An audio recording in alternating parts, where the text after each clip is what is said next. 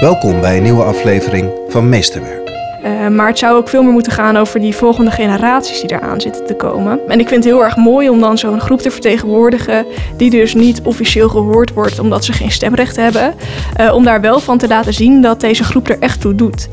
In deze aflevering ben ik samen met Annette Stegeman op bezoek bij Nienke Luiks, de voorzitter van het LAX. Het Landelijk Actiecomité Scholieren is een organisatie van, voor en door scholieren. Zij zorgen ervoor dat er niet alleen maar over, maar ook met de scholier wordt gepraat. Ik denk zeker dat we gewoon ook moeten vertrouwen op de kracht die scholen zelf hebben om een waardige afsluiting te bieden aan scholieren. Maar tegelijkertijd is natuurlijk dat eindexamen wordt nu heel erg als het doel gezien. Daarvoor doe ik het.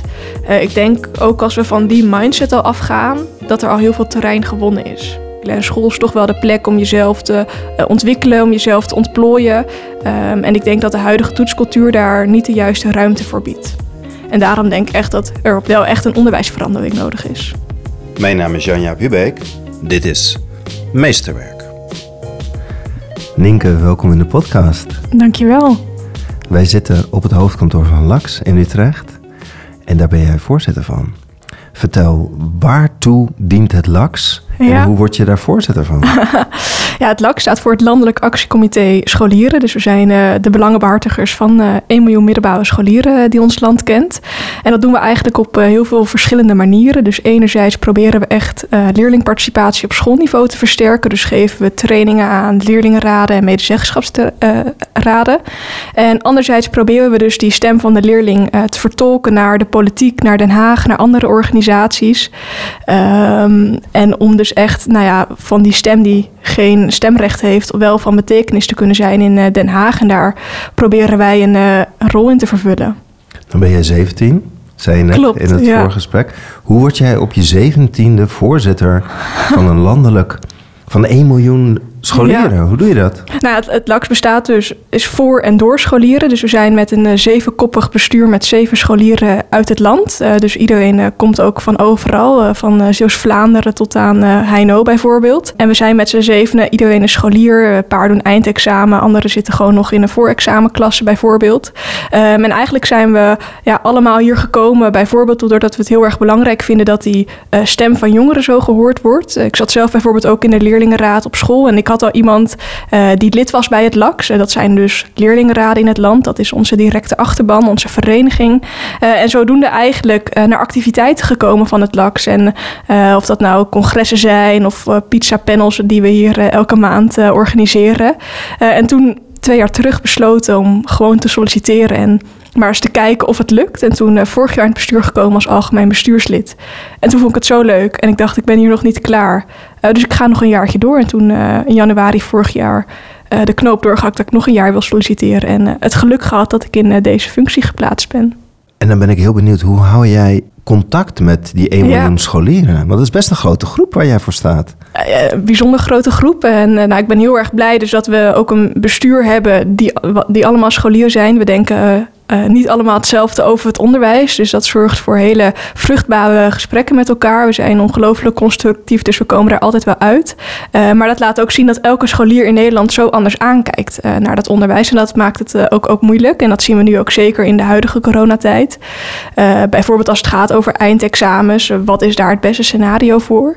en tegelijkertijd zei ik net al van, nou ja, onze vereniging bestaat dus uit leerlingenraden. Ehm, dus we hebben eigenlijk ook heel veel contact met leerlingen die heel goed weten hoe het op scholen speelt, doordat ze bijvoorbeeld actief zijn in leerlingenraden of in de medezeggenschapsraad zitten. Uh, en daarnaast proberen we natuurlijk activiteiten te organiseren waar alle scholieren heen kunnen. En uh, we hebben bijvoorbeeld in december een congres georganiseerd over toetscultuur. Uh, daarbij was echt het doel om beleidsmaker in contact te brengen met leerlingen. Dus hebben uh, mensen bijvoorbeeld ook van de examenketen hebben eigenlijk een dialoog laten voeren met onze achterban. Uh, dus wij proberen, we zijn ook niet altijd degene die zegt van nou ja, zo moet het of zo moeten uh, doen. Maar we proberen ook dat gesprek juist te faciliteren tussen leerlingen en die beleidsmaker. Nou had je echt een heel mooi, heel actueel thema met de toetscultuur. Ja. Wat was de insteek en ook even jouw persoonlijke visie op die hele toetscultuur in, in ons onderwijs? Nou, om met die laatste malen uh, te beginnen. Nee, uh, we hebben het er natuurlijk heel veel in het onderwijs over. Van wat is nou die toetscultuur?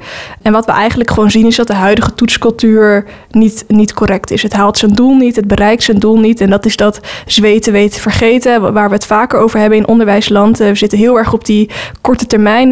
nou, heel erg over nou, het gaat denk ik ook heel veel over cognitie. En het moet denk ik ook veel meer gaan over ontwikkeling, over vaardigheden. Over, nou ja, je moet ook dat achterkant van het diploma, dus bijvoorbeeld spreekvaardigheid, leesvaardigheid, uh, moet je ook kunnen ontwikkelen. En school is toch wel de plek om jezelf te uh, ontwikkelen, om jezelf te ontplooien. Um, en ik denk dat de huidige toetscultuur daar niet de juiste ruimte voor biedt.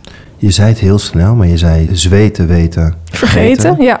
Wat bedoel je daarmee? Nou, dat is eh, denk ik ook wel wat, wat de huidige toetscultuur een beetje illustreert. Hè. We, we zetten ons even optimaal in, hè. dat is dat zweten. En nou, dan weten we het even, we maken de toets. En nou, de dag later, uh, soms misschien nog wel de avond, ben ik alweer vergeten wat ik nou heb geleerd.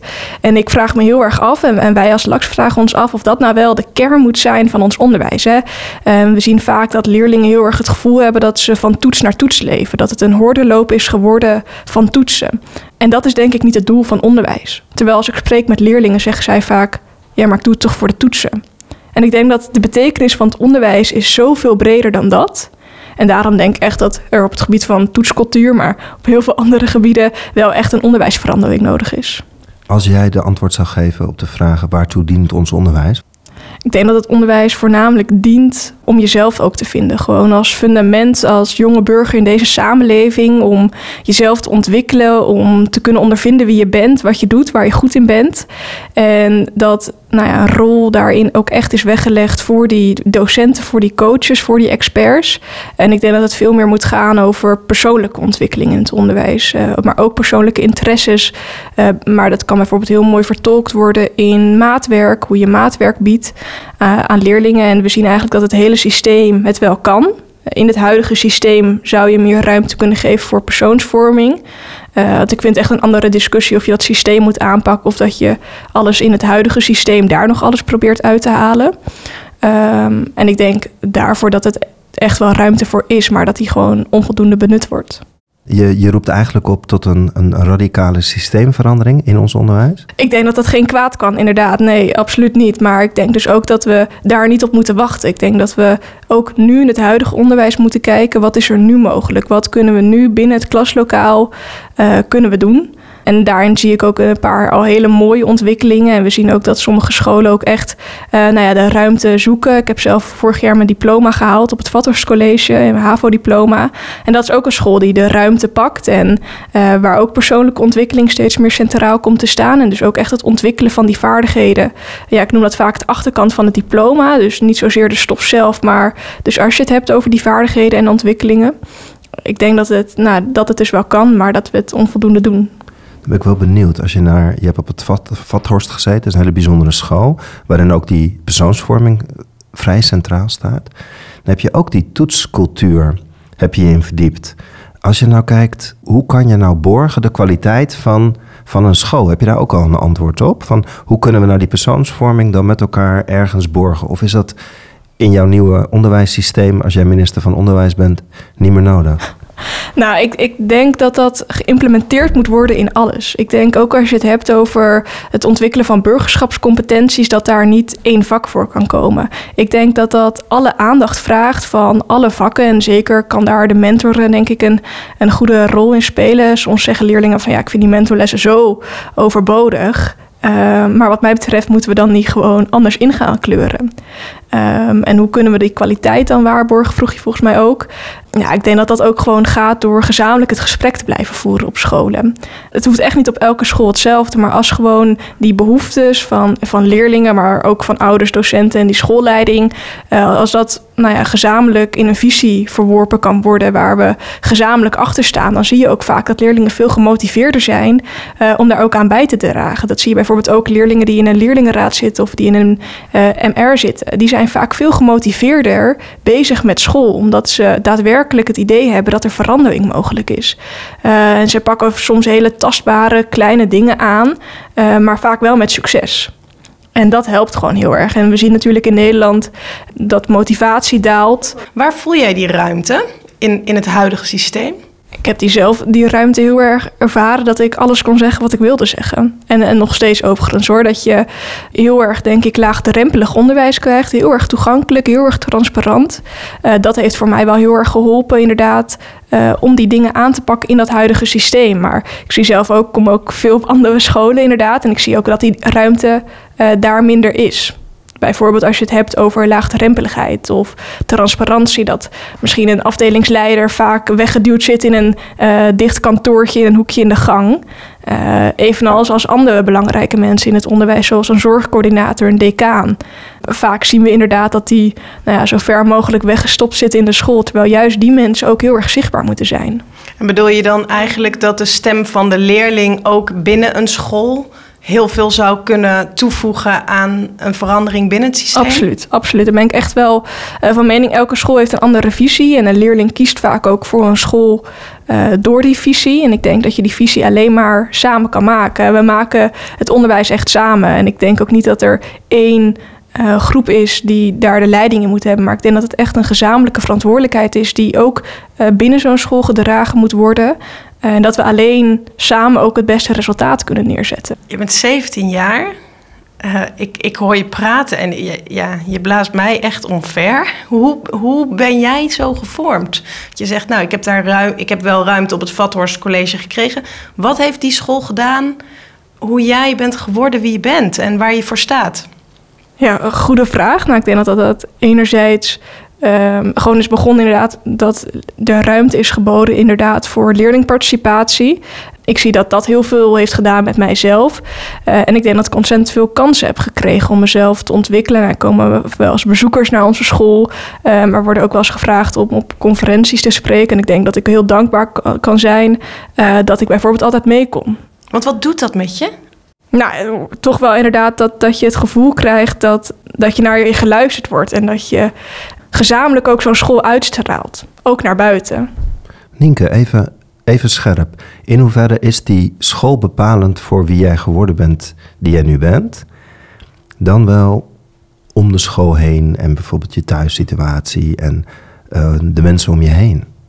Ja, ik denk dat het beide natuurlijk een hele grote rol zit. Ook zo'n functie in een bestuursjaar. Dat kun je natuurlijk ook niet vervullen als je vanuit thuis bijvoorbeeld daar niet de steun en ruimte voor krijgt uh, om zoveel weg te zijn. Nou, nu dan iets minder, maar om gewoon inderdaad al je activiteiten te vervullen. Um, maar ik denk dat ik er misschien onvoldoende bij stilsta. Maar ik denk zeker dat mijn school ongelooflijk veel heeft betekend in wie ik ben, waar ik sta, hoe ik naar de wereld kijk, uh, maar ook hoe ik naar mezelf kijk. En dat leer je denk ik ook alleen maar door te vallen. En ik denk dat de ruimte uh, die je op het Vatters natuurlijk krijgt om zelf je onderwijs in te delen en zelfstandig aan het werk te gaan, uh, dat elke leerling daar wel een keertje uh, doorvalt. En ik denk dat dat heel erg belangrijk is, dat ik die ruimte altijd gekregen heb om te vallen. Uh, en dat vond ik zelf heel erg mooi. En ik illustreerde dat uh, vaak inderdaad uh, de visiepunten van het Vatters was altijd richting, ruimte en ruggensteun. En ik omschreef dat altijd van, nou, jij krijgt een einddoel, dat is die richting. Uh, je moet ergens heen, maar welke ruimte, welke weg je er naartoe neemt, die staat vrij. En stel je, je bent de weg kwijt, dan kan dat, dan is daar ruimte voor. Uh, maar dan zal een docent jou nooit naar de weg brengen, maar zal jij wel een routekaart geven om die weg weer te vinden. Uh, en ik denk dat dat heel erg, dat heb ik ook echt heel erg zo ervaren. Dat ervaar ik nog steeds zo gelukkig. En nou, zeker die ruimte die je dus krijgt om jezelf te mogen zijn. En nou ja, zeker ook de kunstvakken spelen daar een hele grote rol in. Dat je echt mag voelen wie je bent, mag zijn wie je bent of wie je wilt zijn. Dat doet er echt niet toe daar. Dat heeft wel heel veel bepaald, ja. Toen wij binnenkwamen net, toen haalde je wat papieren weg. Toen zei je, ja, ik moet zo met minister Slop in gesprek. Nou zit jij aan tafel met die minister. Jouw stem wordt serieus genomen. Je hebt een achterban van 1 ja. miljoen scholieren. Wat is jouw boodschap aan minister Slop? Nou, ik denk ten eerste dat we wel ontzettend blij mogen zijn dat er nu een minister zit die in ieder geval de stem van de leerlingen zo serieus meeneemt. Ik, dat is ook echt wel uh, anders geweest. Ook zeker als ik naar de geschiedenis van het LAX kijk. Uh, zijn in 84 opgericht, dus nou, ja, hebben al enige wat uh, ministers meegemaakt. nou, ik denk dat de, boodschap inderdaad vooral is, zeker in deze tijd, is dat voornamelijk inderdaad van kijk naar ook het, het welbevinden van jongeren. Het is heel erg belangrijk dat we die achterstanden of vertragingen hoe je het wilt noemen, dat we die gaan inhalen, dat we die gaan inlopen, dat we daar tijd en ruimte voor nemen. Maar ik denk wat gewoon in deze tijd echt heel erg belangrijk is, is dat we gaan kijken naar dat mentaal welbevinden van, van jongeren. En nou, daarom ben ik ook heel blij dat ik zo serieus word genomen, dat wij als, als LAK zijnde uh, zo'n nou ja, stem kunnen hebben. Uh, dat we ook aan tafel mogen zitten. Ik denk dat dat al heel veel betekent en ook al heel veel uh, laat zien, ook van het beleid wat de minister voert, uh, dat hij echt met alle geledingen in gesprek gaat. Dus ook zeker met de leerlingen. Dan ben ik wel benieuwd, toen jij dan kijkt naar corona, en je zei net het woord achterstanden. Ja, vertragingen. vertragingen. Ja. Maar eerder zei dat het gaat over de persoonsvorming. Hoe, hoe rijmt dat met elkaar? Want ik denk als het over jouw persoonsvorming gaat, dan is het toch geen vertraging dan is het toch geen achterstand? Dan, dan nou, ik denk we... het wel. Ik ja? denk alsnog, ja. Ik denk dat, dat school ook een plek mag zijn waar je jezelf ontwikkelt. En waar je dus de ruimte hebt om jezelf te ontwikkelen. Maar nu kan dat niet. Nu zit je in je, in je eigen kamer, komen die muren op je af. Uh, dus ik denk ook zeker dat de huidige lichting gewoon op het gebied van uh, persoonsvorming ook een vertraging heeft opgelopen. En we hebben het heel erg hè, over uh, dat, dat cognitieve over, ja, maar, maar, maar schoolexamencijfers wijken af. Of nou ja, het eindexamen moet straks gemaakt worden. Hoe zit het met die eind Maar ik denk ook gewoon dat de leerlingen ontzettend benadeeld worden in het kader van die persoonsvorming, in het cel, in je mogen, uh, mogen ontwikkelen. Uh, en daarnaast is er natuurlijk ook nog een andere vorm van het onderwijs, wat uh, nou ja, zorgt dat je inhoudelijk natuurlijk enige basis krijgt.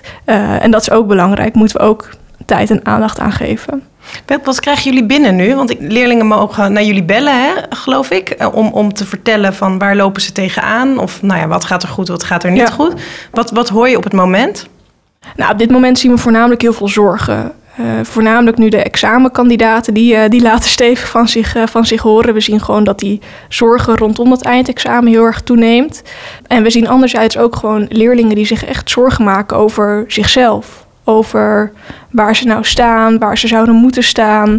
Uh, en ook zeker in voorjaar hebben we heel veel te maken gehad met leerlingen die geen toegang hebben tot digitale middelen. En dat soort zaken, dat krijgen we ook, ook allemaal voorbij. En ook hele uh, individuele kwesties, dat het niet lekker loopt op school of, of hoe kan ik hier wat tegen doen. Ja, wat doe je ermee? Nou, en enerzijds, we hebben een paar hele goede beleidsmedewerkers die daar ontzettend veel van weten. Um, en die proberen die leerlingen echt uh, individueel te helpen. Dat, dat vergt inderdaad een, zorgvuldig plan. En mochten we van heel veel scholen inderdaad dezelfde klacht krijgen, uh, of bijvoorbeeld dat we echt zien dat het ergens gewoon echt heel erg mis gaat, uh, nou, dan schakelen we bijvoorbeeld de inspectie in, of, of de VO-raad speelt daar soms een rol in. dus we proberen dat inderdaad, als het echt oploopt, is natuurlijk ook onze verantwoordelijkheid. En het lukt ons zelf niet met die school om andere instanties daarvoor te gebruiken. Jij vertelde mij, want ik belde jou een tijdje geleden, volgens mij dat jij 80 uur van de week met no, no. bezig was. Hoe komt het dat jij je zo ongelooflijk hard ja. wil maken voor deze doelgroep? Nou, 80 is overdreven hoor. Maar waarom ik me zo, zo hard wil maken, ik denk dat dat, uh, omdat ik wel een heel erg urgentiebesef heb, uh, dat deze groep echt nog onvoldoende gehoord wordt in politiek Den Haag. Uh, we zien natuurlijk heel vaak dat politieke, politieke partijen heel erg bezig zijn richting die volgende verkiezingen. En nu ook al die zetelverdelingen en de peilingen. maar het zou ook veel meer moeten gaan over die volgende generaties die eraan zitten te komen. Um, en ik vind het heel erg mooi om dan zo'n groep te vertegenwoordigen die dus niet officieel gehoord wordt omdat ze geen stemrecht hebben. Uh, om daar wel van te laten zien dat deze groep er echt toe doet. Uh, en ik zie ook nog wel gewoon hele grote, ja, toch wel problemen in het onderwijs waaraan gewerkt moet worden.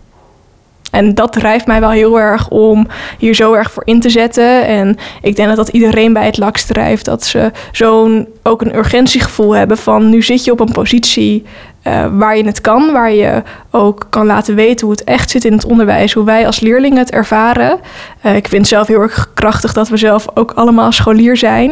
Uh, we staan echt, nou, we lopen zelf ook nog, nog door de gangen en zitten nog te zweten, weten, vergeten voor die schoolexamens. Um, en dat drijft mij wel heel erg.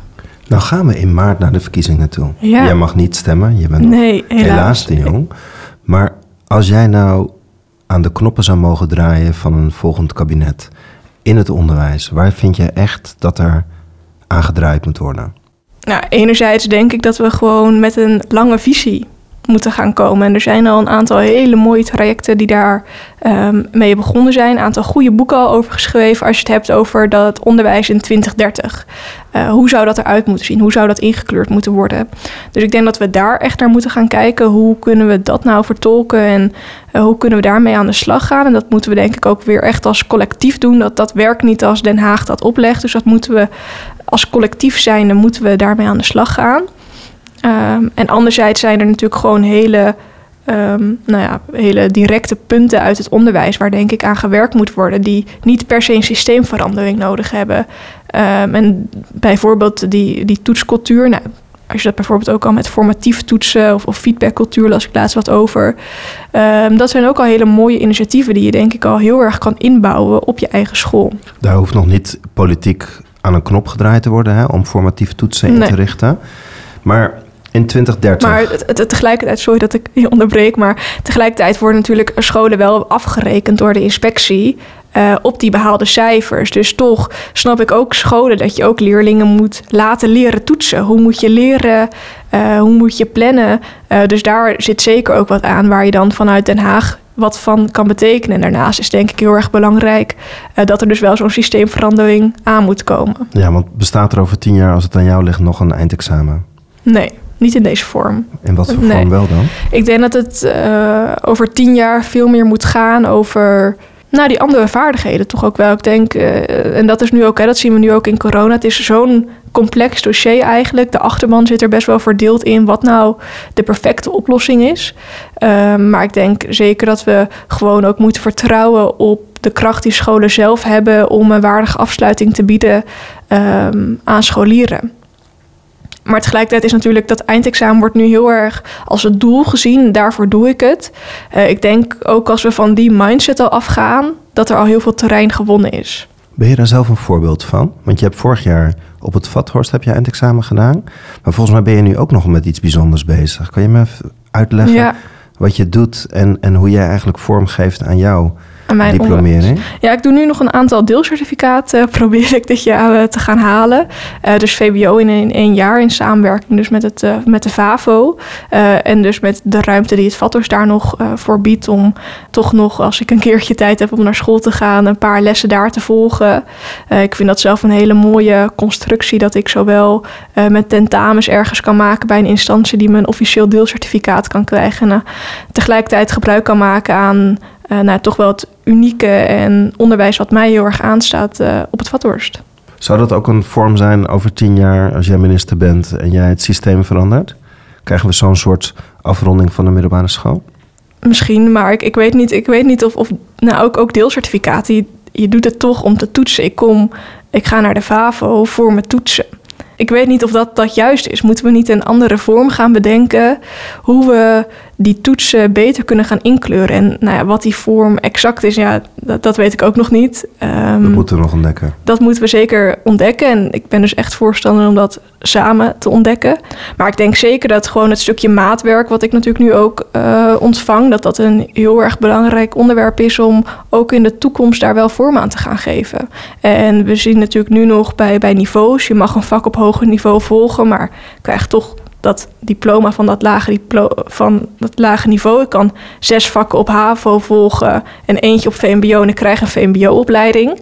Uh, terwijl dat misschien geschiedenis is en ik wil uh, geneeskunde gaan uh, studeren of ik wil iets heel anders gaan doen. Ik denk dat best wel veel leerlingen daardoor benadeeld worden. En daarnaast zien we natuurlijk ook een ander belangrijk punt daarmee is toch wel de toename van kansongelijkheid, wat we zien in ons onderwijs. Ik denk dat we daar echt heel erg veel aan moeten gaan doen om dat tegen te gaan. Heb je daar een idee bij hoe we dat kunnen doen? Hoe ga je met zo'n vraagstuk? Wat, wat, wat geef jij aan Slop of aan de volgende minister mee als jij aan tafel met hem zit? Als het gaat over dit thema. Nou, we zien natuurlijk dat, dat kansongelijkheid echt wel nou, een fundamenteel probleem is van ons onderwijs. En ook als je het vergelijkt met andere landen, is dat er altijd wel. Um, maar ik ben heel erg blij, want natuurlijk het onderwijs is al wel wat langer bezig. Bijvoorbeeld met brede brugklassen. Nou, ik ben heel erg blij dat de klasse daar zo ontzettend goed vorm aan heeft gegeven. En ook zeker dat we dat zo massaal met z'n allen in Nederland zijn gaan kijken kijken dat is denk ik heel erg belangrijk. En ik denk dus zeker dat er manieren zijn om kansenongelijkheid tegen te werken. Uh, bijvoorbeeld door middel van brede brugklassen. Uh, om leerlingen dus ook soms wat langer de tijd te geven om zichzelf te ontwikkelen. Uh, ook niet elke bloem bloeit even vroeg uit. Dus laten we leerlingen ook alsjeblieft iets langer de tijd geven om zichzelf te ontwikkelen. Om te kijken welk niveau dan nog het beste past. En daar is natuurlijk ook een hele discussie gaan over: moeten we nog wel in niveaus blijven praten? nou, dat moet ook in die visie dan uh, komen te staan over tien jaar.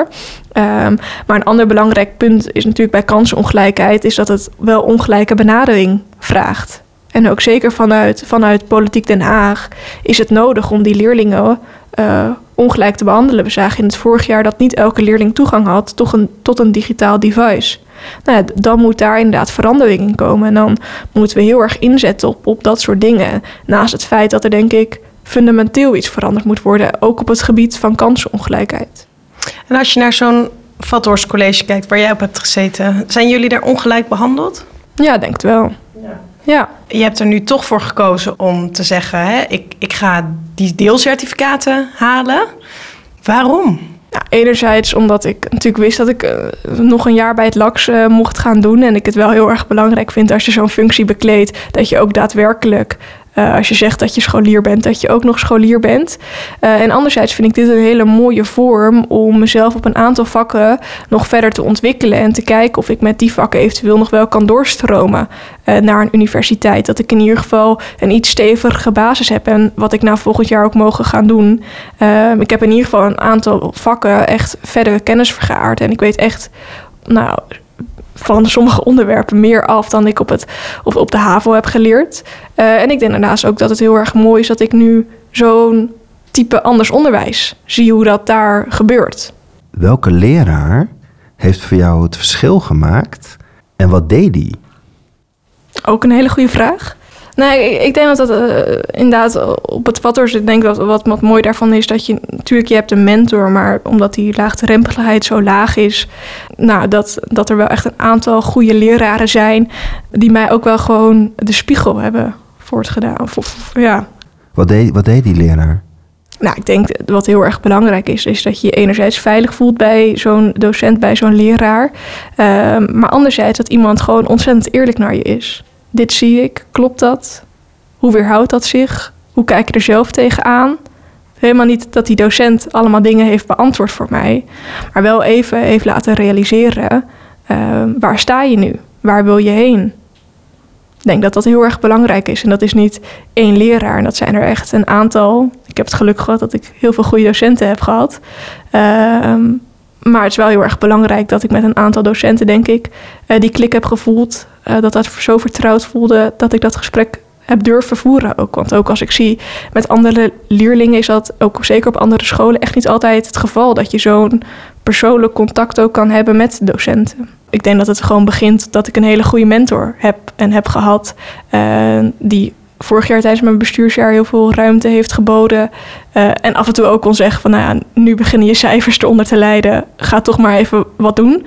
Um, en ja, tegelijkertijd denk ik ook dat ik uh, ontzettend veel vrijheid heb gevoeld om dus ook nou, op het Vathorst dat te ontdekken. En ik denk dat dat een heel goed voorbeeld ook is van dat er best wel veel mogelijk is in het onderwijs, maar dat je er ook gewoon af en toe als leerling zijnde, uh, dat je er enerzijds niet altijd alles van weet. Ik had het geluk uh, dat er toevallig nou ja, voorzitter eerder was geweest die ook uh, iets soortgelijks had gedaan met, met deelcertificaten. Dus dat ik wel wist van, nou ja, daar zit wel ruimte.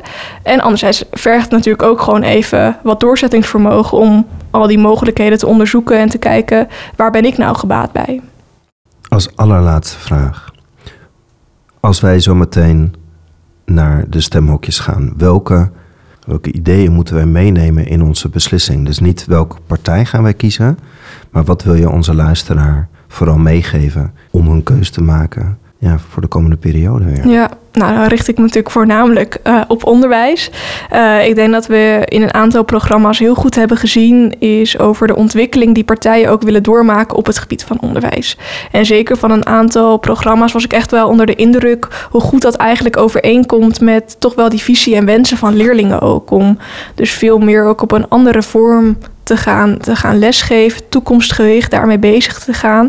En ik denk dat dat wel de essentie moet zijn van nou ja, onderwijs de komende vier jaar. Is moet gewoon dat het echt essentie ook vanuit Den Haag moet komen om dat onderwijs te willen veranderen. En dat daar gewoon een grootschalige fundamentele wijziging voor nodig is. Maar ook zeker uh, te kijken wat er mogelijk is om nu al in die tijd dat die visie gebaseerd moet gaan worden, um, wat al gedaan kan worden. En natuurlijk een beetje meer naar de leerling luisteren en de minderjarigen. Dat is altijd goed. Nienke, ontzettend dankjewel voor dit mooie en inspirerende gesprek. Dankjewel. Ja, jullie bedankt. Dankjewel. Ja. Audiocollectief Meesterwerk takt de komende periode de landelijke verkiezingen van 2021 in.